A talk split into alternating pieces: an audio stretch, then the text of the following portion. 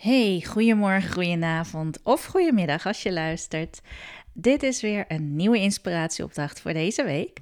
En ehm, dit keer is het meer een sharing van mij. Ik wil heel graag iets eerlijk met jullie delen over mijn eigen proces van verandering en groei waar ik nu middenin zit. En het was eigenlijk mijn zoon die me de inspiratie afgelopen week gaf, die ik echt even nodig had bij een moeilijk moment in dat veranderingsproces. En ik zal straks ook delen met je wat hij tegen mij zei. En dit gaat over de moed, over de moed om te willen veranderen. Iets heel vertrouwds en geliefds los te laten met allerlei zekerheden, gemakken die, daarbij, uh, die daaraan zitten. En moed heb je dus nodig als dingen spannend zijn, niet zonder risico's zijn, uh, als al je angstknoppen uh, ingedrukt kunnen worden door dat onbekende waar je voor staat. Nou, ik ga dus zoiets heel moedigs doen. En aanvankelijk wilde ik het niet eens overwegen. Ik zei dat ik het nooit zou gaan doen.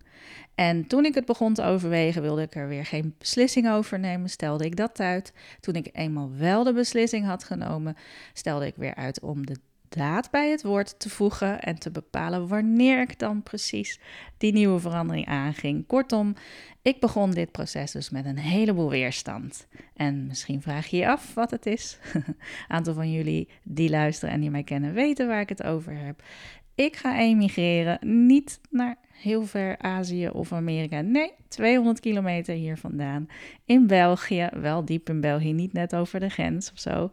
Dus uh, ja, ik ga Nederland uh, als thuisland verlaten. En uh, dat is niet voor een nieuwe werkuitdaging of zo. Um, en ook niet omdat ik heel graag de zachte G om mij heen hoor. Of omdat ik op zondagochtend bijvoorbeeld in de sportkantine van mijn kinderen heel graag al onbeschaamd om half elf een pintje wil drinken. Want dat kan daar gewoon de eerste keer dat ik dat zag was ik echt in shock. Nee, het is voor meer rust en harmonie voor ons gezin. We zijn een samengesteld gezin. Het is dus ja, begonnen met de liefde voor mijn Vlaamse partner. Um, die wel in Nederland werkt overigens. Hier heb ik hem ook ontmoet. Maar hij woont dus in België en uh, zijn kinderen wonen daar ook. Eerlijk is eerlijk, hè. Toen ik er voor het eerst kwam, vond ik natuurlijk de rust. Uh, hij woont op het platteland daar, of in een dorp moet ik zeggen. Schaapjes in de wei, kippen in de wei, het mooie groen, uh, de rust, de schoonheid van het glooiend landschap, de kapelletjes. Ja, dat was een verademing. Het voelde voor mij uh, wel als vakantie. Lekker frisse lucht ook om me heen. Maar het kon echt niet op tegen het populaire en dichtbevolkte Utrecht. Hier aan de rand van het centrum waar, uh, waar ik woon. En waar altijd, als het tenminste geen lockdown is, cafeetjes, restaurants lonken van de gezelligheid. Uh, er zijn hier tokens, internationale keukens om te proeven. De mooie grachten met hun werfkelders. Uh, waar ik op de fiets naartoe kan rijden. Bijvoorbeeld als ik een yogales wil volgen. Supermarkt op afstand, loopafstand. Er is altijd wat te doen. Uh, veel festivals, concerten ook. Nou, dus bij de eerste keren van mijn Vlaamse bezoeken zei ik dat ik echt nooit, nooit in een dorp zou gaan wonen waar niks te beleven is. Met enkel een bakker in de straat en misschien nog een bloemist verderop. Uh, misschien voor een zomertje, heerlijk echt daar wonen werken? Nee, no way. nu, enkele jaren na die uitspraak, doe ik het dus toch. Dat wat ik nooit zou doen. En zo kan een mens dus veranderen. Als er andere belangen in het spel zijn, en zeker ook belangen van uh, je kinderen of je geliefden. nu is loslaten niet mijn sterkste kant. Ik denk dat veel van jullie uh, die nu luisteren ook niet staan te springen om fijne dingen in je leven gewoon in te ruilen voor iets onbekends. Nou, dus uh, vorige week toen uh, maakte ik mijn uh, appartement hier in Utrecht klaar voor de verkoop. En ja, het was prachtig, vond ik zelf. Het was nog nooit zo mooi opgeruimd en schoongemaakt. Dus nou ja, de dag daarna was ik ineens heel verdrietig, de hele dag emotioneel. De tranen vloeiden in overvloed. Want het besef kwam dat het niet meer voor mij was, dat het zo mooi opgeruimd en schoon was. Nou, mijn kinderen waren die dag uh, op de opvang, uh, dus die waren er niet bij, gelukkig. Maar uh, nou, tegen de avond was, ook, was ik wel weer oké. Ik haalde ze op en in de auto terug zei ik tegen mijn oudste, mijn zoon, zei ik wel eerlijk van... nou, ik heb vandaag toch best een moeilijke dag gehad voor de aankomende verhuizing.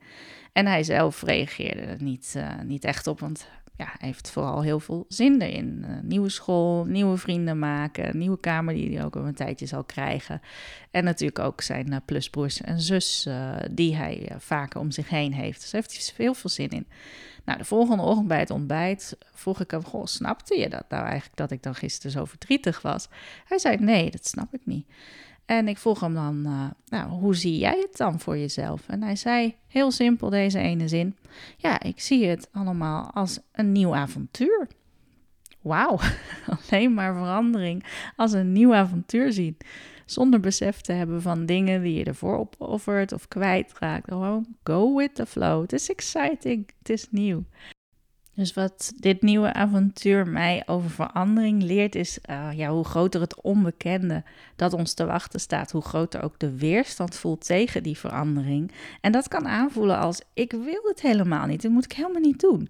Maar dat is angst. En ja, angst komt gewoon met tig argumenten, gedachten, herinneringen, die bevestigen dat de verandering op komst uh, moet worden tegengehouden. Terwijl het onbekende te omarmen als een nieuw spannend avontuur met nieuwe mogelijkheden. Ja, een nieuwe uh, mijlpaal eigenlijk in het leven. Dat geeft zo'n ander gevoel. En dan slaat de weerstand om in excitement en blijdschap.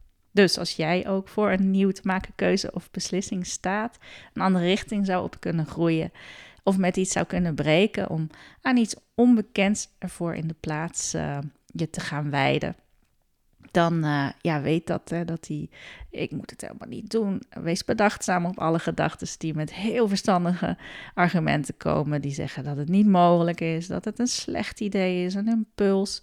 En denk aan een kind dat hongerig is naar nieuwe avonturen. Denk aan jezelf toen je kind was. Want dan is het nieuwe, het onbekende, één groot spel. En je hebt alleen een portie moed en zin nodig om eraan mee te doen. Want je kunt het niet verkeerd doen.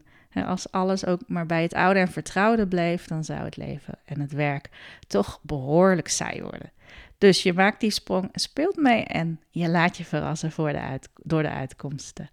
Nou, als dat groei en verandering is, dan heb ik wel zin in een spelletje. Ik wens jullie ook heel veel speelplezier de komende week, waar je ook bent. En tot de volgende keer. Dag!